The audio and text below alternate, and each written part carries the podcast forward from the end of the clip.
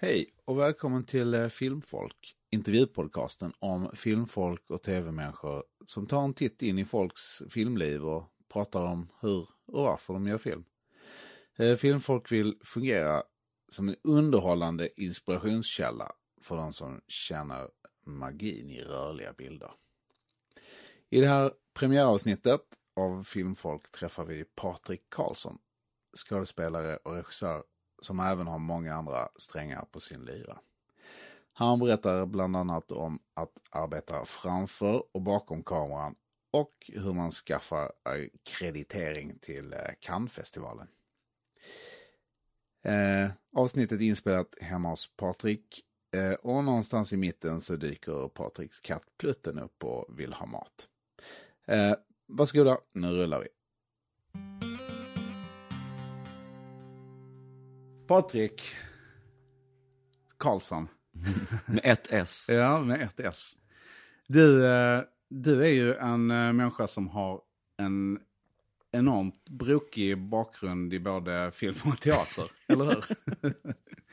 Du har eh, otro, otroligt mycket roller, många roller både framför och bakom både kameran och scenen. Mm. Men berätta lite grann, hur, hur började, hur började ditt, din, din bana inom, inom film skådespeleri teater? och film Ja.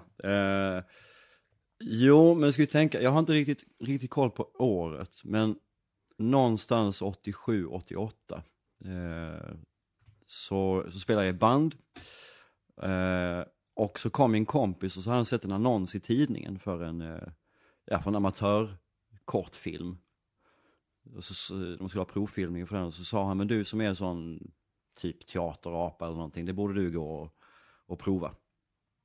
Eh, och så gjorde jag det och så fick jag den här rollen. Eh, I en film som heter Sagan om Nässelspinnerskan som blev ett, ett eh, evighetsprojekt. Som jag tror hela filmen tog sex eller sju år eller något sånt där. Och kanske till och med mer att färdigställa. Eh, men vad som hände där det var att jag insåg att, att i skådespeleriet fanns det någonting som inte musiken kunde ge mig. Även om jag sjöng i ett band så var liksom, det var begränsat hur jag kunde uttrycka mig. Eh, medan skådespeleriet gav, gav utrymme för mer. Eh, och eh, jag blev bara fascinerad av det och ville hålla fast vid det. Eh, och sen ett par år efter jag börjat med den filmen så flyttade, flyttade en gammal vän hem till, eh, till byn. Och då hade hon jobbat på en teater uppe i, i Stockholmstrakten och ville dra igång någonting, en amatörteatergrupp där hemma. Eh, och då gjorde vi det. Eh, och hade inte det hänt så vet jag inte om jag hade fortsatt. Eh, och så just det, sen så sprang jag på 90 måste det ha varit. Så kom Staffan Hildebrand på besök och skulle spela in en, en, eh, en novellfilm i Skåne. Och så hade han hört talas om musiken från Klippan där jag då kommer ifrån. Eh, och kom dit och hade en liten, liten musikcasting. Och eh, jag och min kompis Andreas Wahlgren, vi eh, gick upp och lirade en liten grej och Staffan tyckte om det. Och i och med det så fick jag också en väldigt liten roll i filmen där jag i princip spelar mig själv. Eh, och så blev vi erbjudna på att följa med på turné med den här filmen, för han gjorde en lång skolturné med, med filmen, 60-65 föreställningar eller någonting. Och då bestämde jag mig för att säga upp mig från mitt jobb, som jag hade då på den tiden på, på en fabrik. Hur gammal var du? Eh, 23.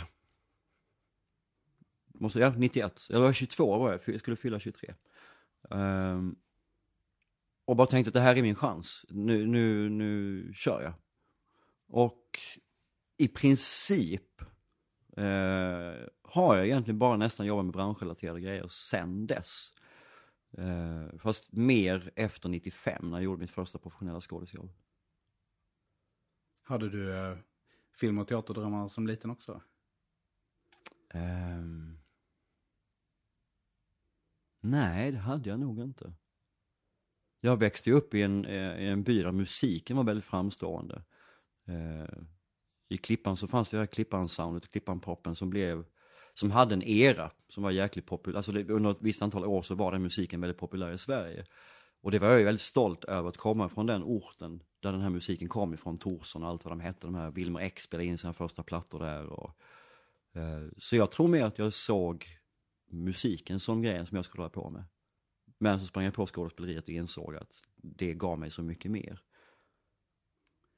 Så det började både med, eh, började först med musiken och sen eh, kom teatern och filmen in nästan tillsammans. På sam- Ja det samtidigt. gjorde jag, för att det första jag gjorde var ju, det var ju en film. Det var den första skådespelerigrejen jag gjorde. Och sen så gjorde jag teater eh, ett par, tre år efter det. Eh, Och sen så var jag inte i kontakt med film förrän, alltså var det Staffan Hillbrand-filmen, men sen var jag inte i kontakt med film egentligen förrän, ah, vad kan det ha varit? Jo men det var 94 så var jag med som statist i Lust och Färing Stor faktiskt. Och blev i princip bortklippt. Statisterna stackars öde. Um, och sen mot slutet av, av eh, i samband med att jag flyttade till Malmö så började jag gå en utbildning på något som heter Malmö filmskola. Och då tog jag upp mitt intresse för, för filmskådespeleri igen. Eh, mycket på grund av att det var så jäkla svårt att få anställningar på teatrar egentligen.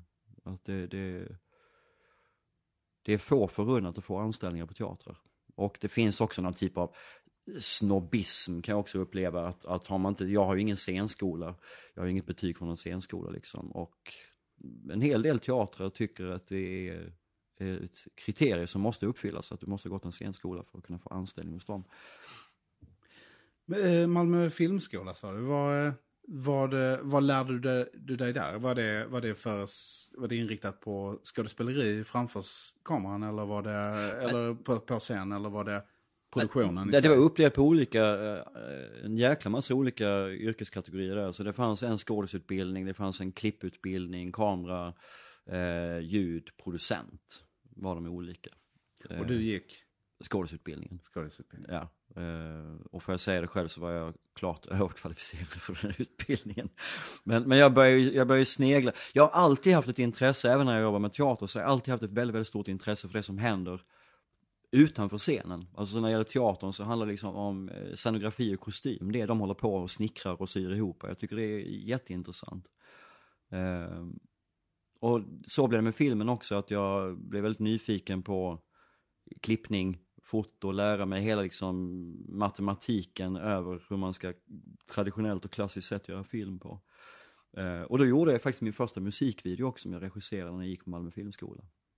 Ett extremt överarbetat arbete kan jag säga. Det var bildmanus eh, uppdelat på frames. Eh, så det var första och sista gången som jag gjorde någonting så fruktansvärt komplicerat. Är det nyfikenheten som, som driver dig eh, till att, till att liksom ta dig an alla de här olika yrkesrollerna? För, eller vad, för det, du, har ju en, du har ju en enorm bredd. och Du satsar ju, du satsar ju väldigt brett som jag, som jag ser. Det finns, du, du har haft fingrarna med i, på väldigt I många alla olika... soppor. Ja, precis. I alla I soppor. alla grytor. Och det som jag har sett har du gjort eh, fantastiskt bra. Tack så mycket. Men är, finns det är, det, är, det, är det nyfikenheten som, som, som driver dig till, till det? Ja men det är både nyfiken, det- dels är det nyfikenhet. Eh, och, och, och dels har det varit också för att slippa blanda in andra människor, om det handlar om mina egna projekt till exempel, om det är mina helt egna grejer. Så är det, tycker jag det är väldigt skönt att kunna hantera kameran, kunna hantera klippning, kunna färgkorrigera, kunna ljudlägga, eh, allting själv och slippa liksom engagera andra människor. Men, men efterhand så har det blivit, blivit så att jag inser att jag är ju rätt duktig på det. Och blir engagerad av andra, inte bara för det jag gör framför kameran utan även det jag gör bakom kameran. Att, att det finns en uppskattning för min klippning, för min regi liksom och det är ju skitkul. För mig går allting bara hand i hand egentligen. Det är bara, det är bara, alltså vad man än gör i filmbranschen så är det ju tentakler av samma kärna. Alla, alla som är på en filmproduktion strävar efter samma mål och det är att vi ska göra den här filmen, om det är, om det är drama eller det är reklam eller vad det än må vara.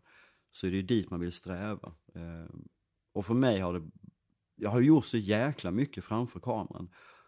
Och allt det har gjort att jag har med åren blivit inspirerad både av de som är jäkligt duktiga men även av de som är jäkligt dåliga. För att jag kan känna att, nej men gör inte så där, man skulle kunna göra så här istället. Och till slut så har det väl då bara blivit så att nu måste jag, nu har jag liksom så mycket egna tankar på hur man ska göra så att det är väl lika bra att jag försöker göra någonting själv istället för att bara stå och tycka vad andra ska göra. Och tycka tyst inom mig själv. Um. Mm.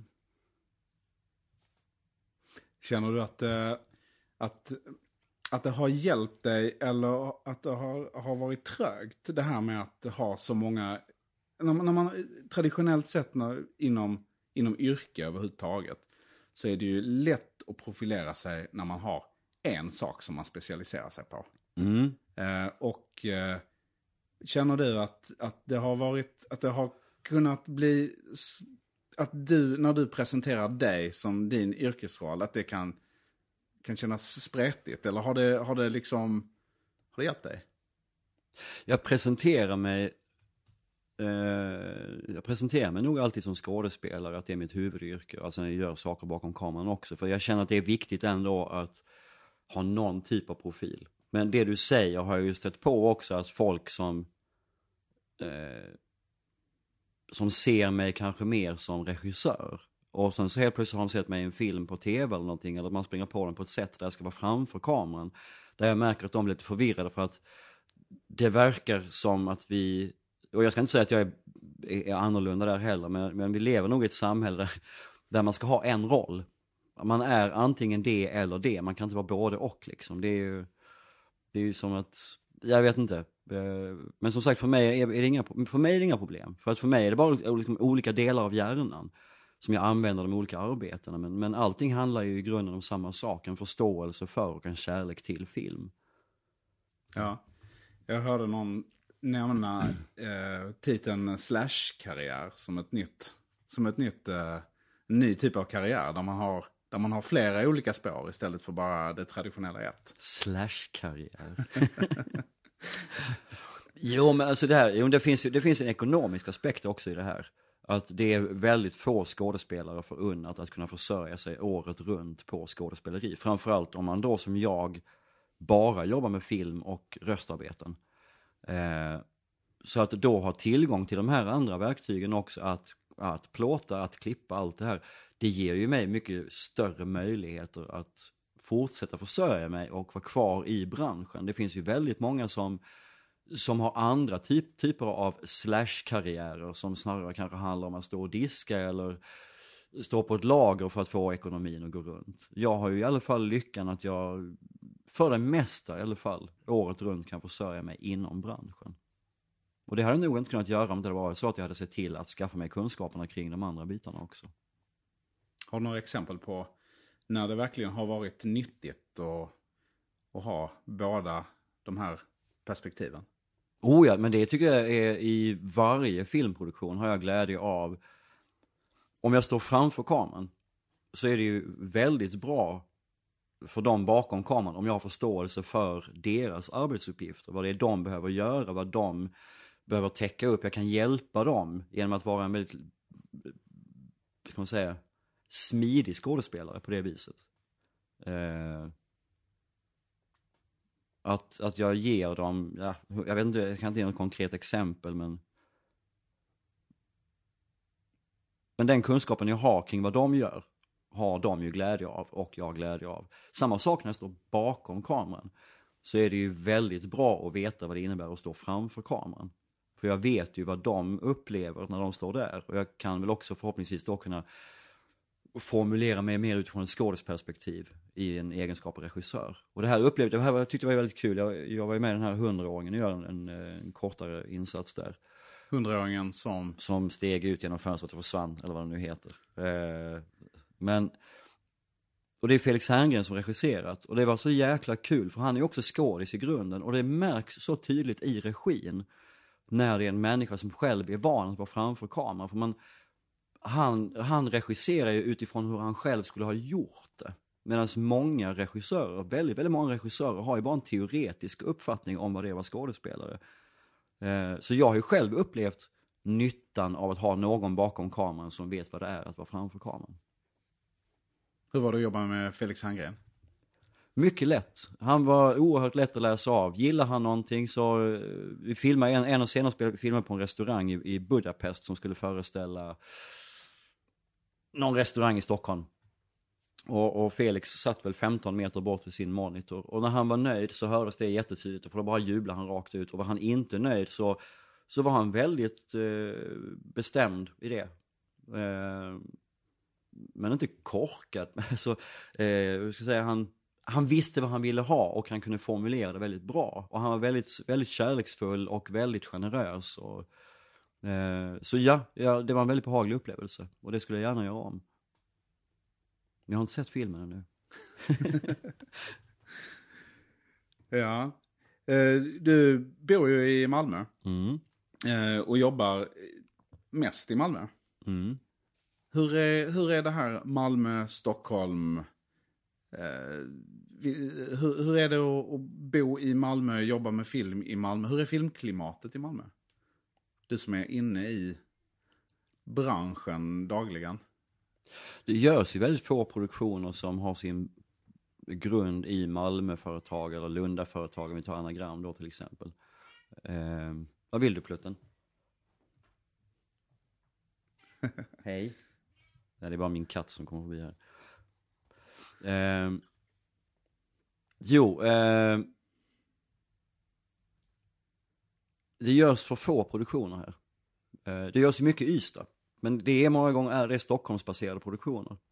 Och som skådespelare är det, vad vill du? Eh, förlåt, kan vi bara, jag tror jag kom på att det inte handlar om mat. Vill du ha mat?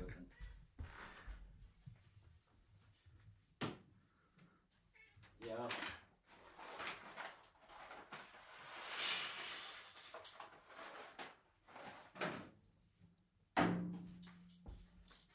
Varsågod. Vi backar bandet lite grann. Hur det är att... Det görs för få produktioner här nere, tycker jag, generellt. Eller, det görs ju många produktioner, men det görs för få produktioner som har sin bas här. Där det är ett Malmö produktionsbolag eller ett Lunda produktionsbolag. Eh, på tok för lite. Som, som jag också tror att det gör att de produktionsbolagen får liksom aldrig någon, eh, det blir liksom inte samma flow som ett Stockholmsbolag, ta Filmlans och de här stora som hela tiden i princip är i produktion. Jag tror att det gör att rutinen blir lite, den blir inte så bra här nere. De skulle behövt, behövt fler produktioner att jobba med. Eh, och, och, och var problemet ligger, det vet jag inte. Jag tror det ligger på SFI. jag tror det. De är lite blinda, de är lite hemmablinda. Så, eller så här att det är som utanför 50-skyltarna, inte speciellt, de har, de har inte riktigt koll på det tror jag. Ehm, och som skådespelare att komma i kontakt med Stockholmsproduktionerna är många gånger mer en slump att det händer. Att jag fick rollen i Hundraåringen är ju en, en väldigt slumpartad historia som började i Cannes 2012. Ehm, det finns ett ställe som heter Petit Majestic som är en sån här en krog på en bakgata. Ehm, där man får öl i plastglas och den är liksom, det är en rätt sunkig krog. Och är man inte bjuden på någon fest på kvällen så hamnar man på Petit Majestic och där är alla liksom, där är flera hundra människor som står ute i den här trånga gränden där och dricker öl och, och babblar och minglar liksom. Det är därför man är där, för att knyta kontakter. Och då råkar jag springa in med min väska, jag hade min dator med mig, jag råkade springa in med min väska i en kvinna där. Och bad om ursäkt och så visade det sig att hon var från London och castingagent och vi började prata. Jag berättade att jag var skådespelare och jag visade min showreel som jag hade i min telefon och hon blev alldeles såhär, wow, jag vill hjälpa dig liksom och se om jag kan få hitta, har kontakter liksom ute i Europa. Och, eh, och så bestämde vi att vi skulle ha kontakt när jag kom hem från Cannes eh, och så mejlade vi fram och tillbaka och så ville hon ha ett CV och nytagna bilder på mig. Och så tog det hela sommaren innan jag fick färdigt nya bilder. Och så mejlade de till henne och typ tre timmar senare mejlade hon tillbaka och sa, Patrik du kommer inte tro det här men just idag har jag fått in en stor svensk långfilm och jag ser tre karaktärer till det här. Och det var det castaren i Stockholm som har lagt ut det på Christina i London då. Eh, och hade det inte varit för att jag sprang in i Christina med min väska i Cannes så hade jag antagligen inte fått något jobb i hundraåringen för att hon som jag känner hon som castar i Stockholm men hon hade inte tänkt tanken att ringa till mig för det här, det kan jag säga. För de har så gott om skådespelare där uppe liksom. Det är bara att välja och vraka. Um, lite så här, ja som sagt. Det, Det är lätt att bli hemtam tror jag. När man sitter i Stockholm. Ja. Du, du åker till Cannes lite regelbundet sådär eh, varje år och Mm. är lite hangaround så. Och med att festa och träffa folk och eh, pitcha lite idéer och sådär. Det är en Berätta det- lite om det. Är, det. är det någonting du rekommenderar folk att göra som, som är i branschen? För att... Ja, det tycker jag absolut. Ehm, jag har ju insett riktigt att det är inte riktigt skådespelarnas festival, utan det är mer producenternas och regissörernas festival. Men, och framförallt distributörernas festival. Eh, men jag rekommenderar absolut att göra det. Det, det. det kostar ingenting att få akkreditering, bara du kan påvisa att du tillhör filmbranschen. Det är förhållandevis billigt att resa fram och tillbaka. Det som kostar där nere är boendet. Eh, men du har, ju, du har ju tillgång till så stora delar av Europas filmbransch. Och det är, det är små mingel hela tiden i de här olika paviljongerna. Man kan bara springa mellan paviljongerna och dricka rosévin och prata med filmfolk från hela världen liksom. Eh, Så jag tycker det är, en, det är en skön kombination av semester och jobb. Någon har sagt att det, att det är utanför, utanför de officiella tillställningarna som det, som det roliga händer. Liksom det spännande folket rör sig. Det, stämmer det? Ehm, nu vet jag inte riktigt vad du pratar om.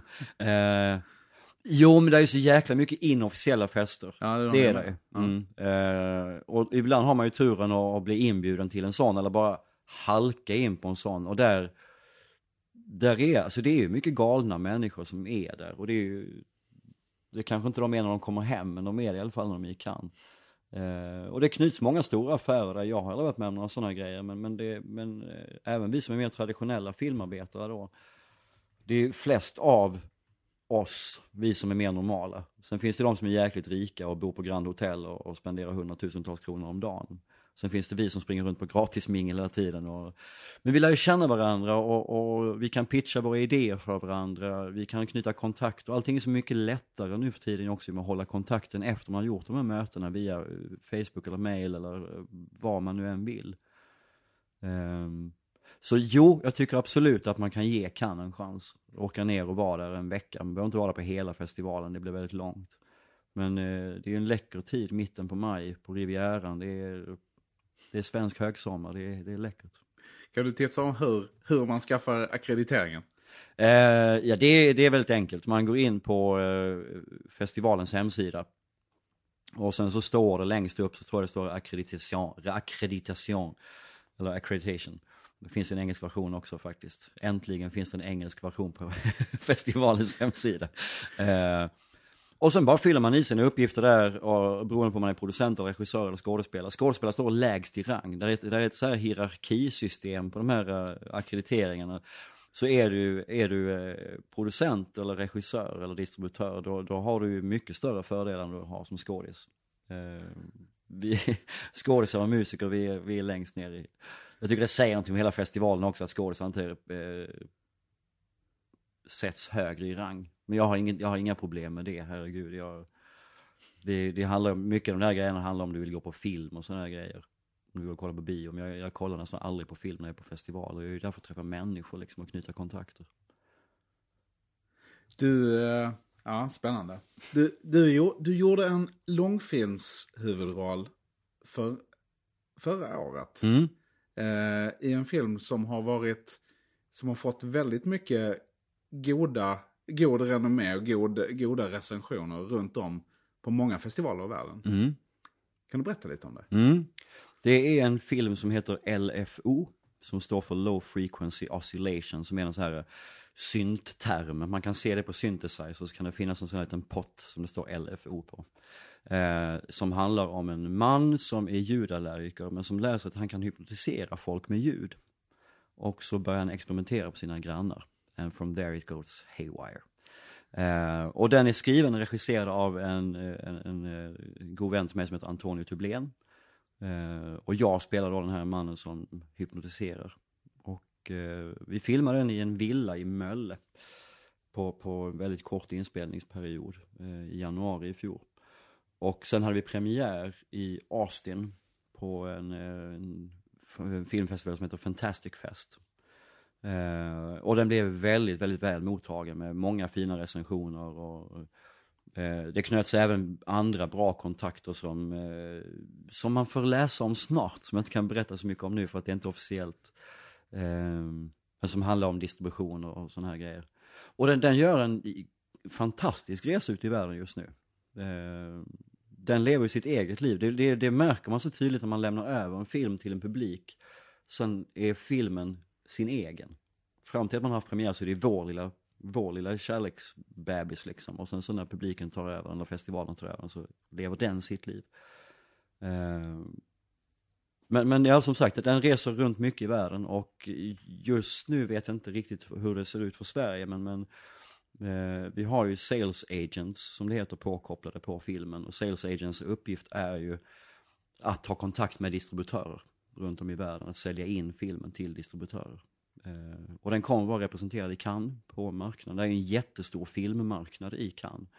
Och eh, där kommer vår film vara en av de filmer som de kommer att promota på marknaden. Så vi är inte bara den här så kallade bakkatalogen som man kan hitta om man tar med den hem, utan vi har en av de filmer som de vill promota riktigt. Vilket är jättekul. Jag vet att du är, du är specialist på att använda de sociala medierna också i att... jag säger det. när, du, när, när du ska promota saker som du, som du gör och bland annat då den här filmen har jag sett dyka upp massor av gånger på massa olika sociala medier där du figurerar. Mm. Vad, är, det, är det viktigt för, är det viktigt när man gör, eh, nu var det här lågbudget långfilm skulle mm. man kunna kalla det. Mm. Eh, är det, är, det. är det viktigt och är det ett bra verktyg hur använder du det? Hur använder du de sociala medierna? Oh, nej, jag, nej. Når du mycket folk? Nej. Inte om, om du tänker på, på, vi har ju en sån här uh, Facebook fanpage för filmen, men det, det ger ju ingenting. Vi har så här 12-1300 följare på den och liksom det är ju, det är en piss i Mississippi liksom, utan det, däremot så är det ju det finns ingen officiell hemsida för filmen, det finns liksom ingen lfo.com eller något sånt där, utan, eller LFO the movie. Så att det finns ju många festivaler som tar kontakt med oss via vår Facebook-sida. Så att de mejlar dit och sen så tar Alexander över kontakten, där producenten då, Alexander Brönstedt, tar över kontakten sen via mejl därifrån. Eh, jag vet inte, jag, det är mest kul att bara ha en sida och kunna liksom uppdatera och skryta och lite sådär. Och vänner och familj som följer. Alltså det är ju verkligen inte mycket, du vet ju själv liksom, herregud, jag har ju, jag har ju fler vänner på Facebook än vad jag följer på film, men det, det säger ju lite. Men, men som sagt, vi ska väl se vad som händer nu när vi får, eh, när vi får på de här som jag inte kan prata om då, just nu. Att det är fortfarande lite hemligt. Jag vågar inte för att du kanske får Alexander Antonio över mig. Eh, men sen har vi, vi har ju YouTube med vår trailer där. Men då har man den grejen att då vill man ju ha koll på statistiken också. Hur många är det som har sett vår trailer liksom? För det är ändå kul att se att det fortfarande tickar på. För att vi har så här en 40, 50, 60 träffar varje dag. När inte det om det är precis vid en festival, när en större festival släpper sitt program, då brukar det åka upp så att det kan bli några hundra om dagen. Men annars ligger det så här 40, 50, 60 träffar om dagen. Men då är det en massa festivaler som rippar vår trailer och lägger upp den på sin egen YouTube-kanal. Och så går man dit och ja, tre träffar. och någon så här Cinemaldito, någon spansk sajt som har lagt upp en, och då har de så här tusen träffar på den där. Och liksom helt plötsligt har man inte, för det är ju egentligen det är mer det jag känner att man vill ha. Man vill ha koll på hur många nås av vår film liksom, eller av vår trailer så här. Men nu har vi tappat kontrollen över det för att det är säkert 10-15 festivaler som har rippat vår. Också så här traileraddict.com och så här som bara lägger upp trailers. De bara rippar och lägger upp. Jävla tjuvar. de har inte liksom inte den goda... Eh... Goda smaken att fråga. Nej, precis. Nej. Eller länka till exempel. Nej, men till exempel. Nej, men jag förstår. De vill ha, de vill ha det som sin avsändare på sina sajter på nätet liksom. Deras konto, så de får sin statistik. Så då, då kan ju de se hur många, hur många har klickat på deras länk liksom. Så, um, nej, jag vet inte det där med sociala medier. Jag tycker det, det är sån, det är sån gröt också nu. Jag, mina ögon filtrerar bort den här evenemangssymbolen på Facebook. Jag ser att det är ett evenemang, jag kollar inte ens vad det är för evenemang, jag orkar inte. Det kommer ju liksom, det kan ju komma mellan 5 och 15 sådana inbjudningar om dagen. Jag orkar inte sortera i det och då missar jag grejer ibland.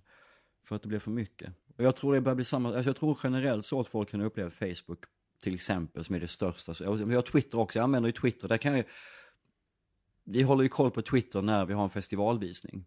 Och då ser vi vad folk skriver. Och då brukar jag faktiskt vara så att jag skriver till dem och, och retweetar deras grejer och sen så skriver jag tack så mycket liksom. Och då förstår de ju att oj, det är ju huvudrollsinnehavaren som har retweetat min grej och det tycker de att det är lite kul och så får man en liten connection där. Och jag tror också någon typ av, eh, vad heter det?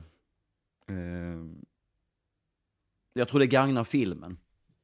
Filmens rykte blir inte sämre av att huvudrollsinnehavaren eh, retweetar och tackar för, för att de har gillat det de har sett.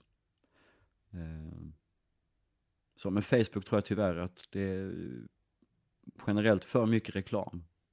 Jag tror folk är rätt mätta på Facebook där, på den biten. Har du några bra tips på hur man, hur man eh, marknadsför sin indiefilm? Eh, Och få den sedd. Uh, tjäna pengar är, är förmodligen rätt svårt i det här landet i alla fall kanske. På, på fi, film, på den... På det, det är ju inte många filmer överhuvudtaget. Jag vet inte om, om, folk generellt är medvetna om det, men det är ju väldigt, väldigt få filmer i det här landet som spelar in budgeten. Eh, senaste året är det väl i princip 100-åringen som har gjort det, som faktiskt har gått med en rätt rejäl vinst. Om de siffrorna stämde som jag läste, den hade ju en budget på 63 miljoner, vilket är ju ganska mycket för svenska förhållanden. Men jag tyckte, det jag tyckte jag såg en siffra på att den hade spelat in 130 miljoner. Oj. Vilket är helt galet. Men så är det när man, en film får 1,6 miljoner besökare och sen så är den ju såld till 35-40 andra länder också via Disney som de har som distributör då. Men äh, för, för oss med, med, med LFO så där gjorde Antonio så att när han hade klippt trailern så, eh, så fick han en hunch och skickade till en, en sajt som heter twitchfilm.com som är en sån här jättestor sajt. Ehm, och han Todd Brown som skrev om när han flippade ut. Eh, och, och slängde upp den liksom. Och i och med att han lägger upp den och de lägger upp det på sin Twitter-feed så når man ju så jäkla många människor. Eh, så jag, jag tror det är att försöka pinpointa människor som har jävligt många följare. Försöka få dem att bli nyfikna kan vara en grej.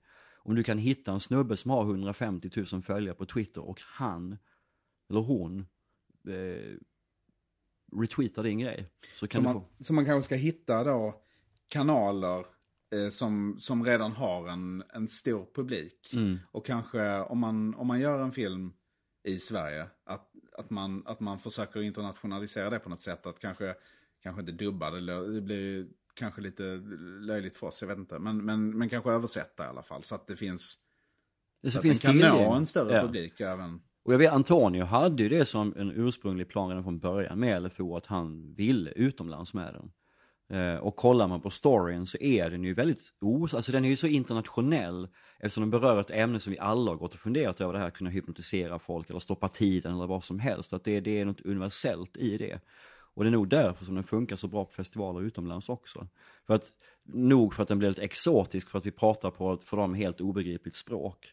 Eh, men själva ämnet är så universellt så därför så tycker man om filmen. Och sen så är det ju jäkligt mycket eh, musik också som Antonio har gjort som är rätt knasig och som också tilltalar, som tilltalar musiknördarna såklart.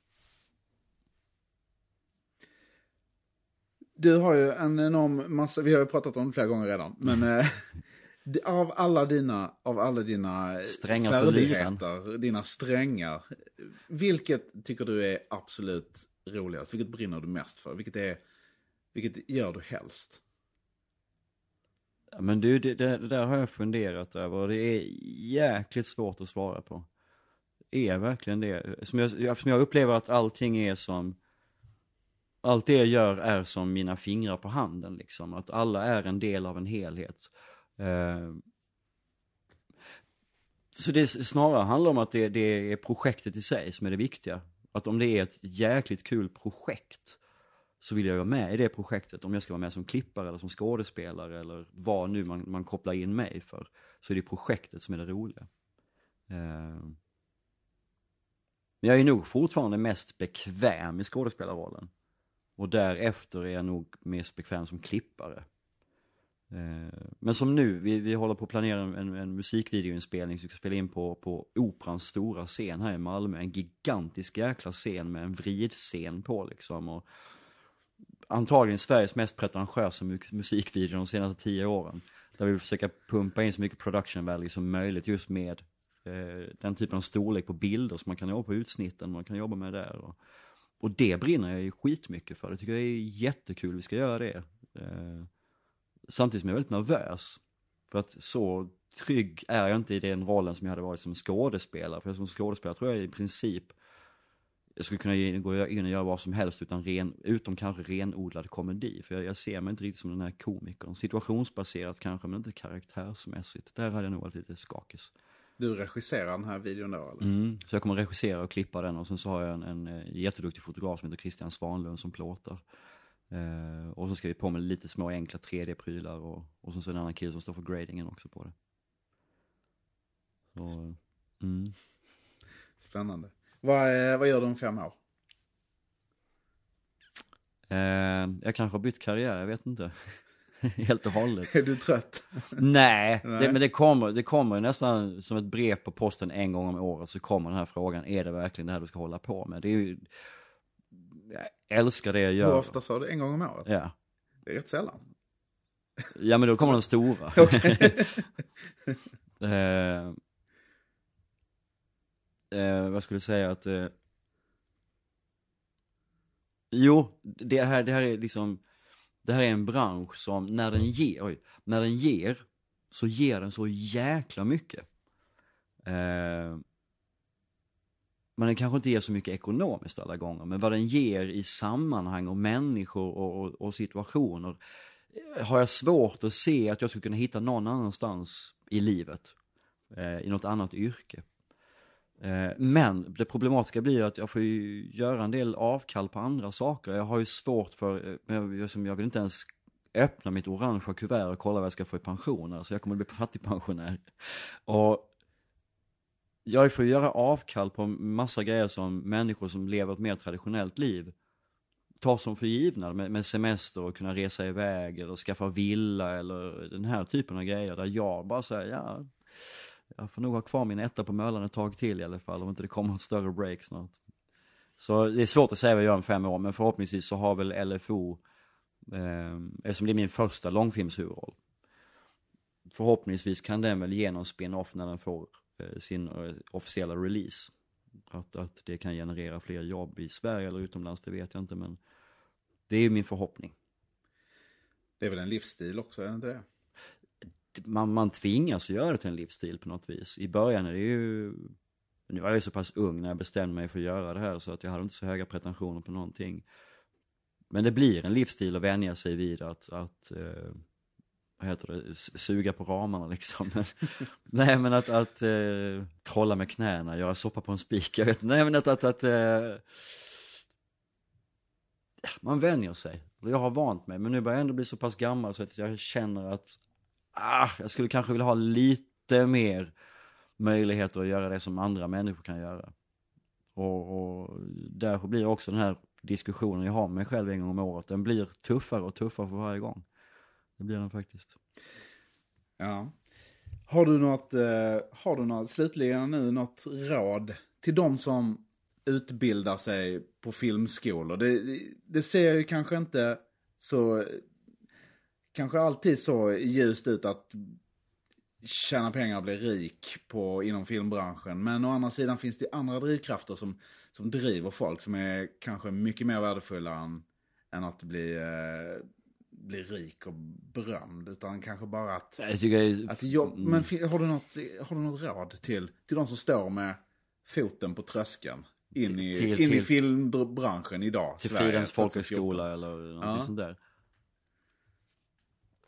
Ja, framförallt ska inte pengarna vara en drivkraft, för kan man byta bransch direkt. Eh, eller så kan man bara satsa på kanske göra reklamfilm eller någonting, jag vet inte, men det går inte att ha det som drivkraft. Det måste finnas en passion för att berätta. Eh, och den passionen måste överleva många jäkligt eh, tråkiga upplevelser också tror jag. Att man, man ska göra ett gäng produktioner som inte är speciellt kul, som man också bara kommer inse att nej, men det här kommer inte bli ett break. Utan det här är, så gjorde jag, investerade ju ganska mycket tid för några år sedan eh, med att jobba med filmskoleelever, alltså folkhögskoleelever och sånt där. Just av det enkla skälet att jag, dels fick jag en enorm rutin på att stå framför kameran, men sen var det också det här att, ja men jag kanske springer på någon i någon av de här sammanhangen som gillar att jobba med och som kommer att bli etablerad och då bestämmer sig för att ringa mig igen och säga att du fan vi hade så kul förra gången vi jobbade, nu kan jag erbjuda dig en vettig lön, är du intresserad? Um, men det är, det är skådespelaraspekt. Man ska, som regissör och manusförfattare så kan man ju, har man inte gjort sin film, första, för, första film, så kan man ju lägga ner planen på att den första filmen ska bli ett mästerverk. Den första filmen ska i princip bara göras. Eh, man ska inte dra saker i långbänk. Har man gjort en kortfilm så ska den gå att avsluta på väldigt kort tid. Det ska inte vara ett projekt som man ska hålla på och slita med i 6, 7, 8, 9, 10 månader. Jag har hört folk som filmade för ett år sedan och är fortfarande inte klara med sin lilla 8 minuters kortfilm. Och jag känner, men snälla, gör den klar och gå vidare. Vad är problemet? Det är bara en kortfilm liksom. Det är... Mästerverket har man förhoppningsvis som det allra sista produktionen man gör i livet. Då kan mästerverket komma, för skulle jag göra mästerverket nu, då kan jag ju skita i det sen liksom. Eh... Men andra, andra konkreta grejer som kanske skulle vara vettigt för en aspiring filmmaker. Var beredd att ta assistenttjänster. Var beredd att ta den långa vägen liksom. Det är, det är ju inte en bransch där du går och får ett diplom riktigt och sen så är kvalificerad för att göra, utan det handlar så mycket om livserfarenhet. Det handlar så enormt mycket om arbetslivserfarenhet, att förstå hur branschen fungerar. Med allt vad det innebär, det konstnärliga och även liksom hur, hur ett filmteam fungerar, hur en, en inspelning fungerar. Det går inte att läsa sig till det utan det bara måste man ju få göra. Och då är det ju rätt bra om man kanske kan göra det lite i bakgrunden. Det är lite grann som människor som vill bli skådespelare, det är väl inte så tokigt om de kan kanske börja med att göra lite statistgrejer. Om inte man har någon skådespelarerfarenhet överhuvudtaget.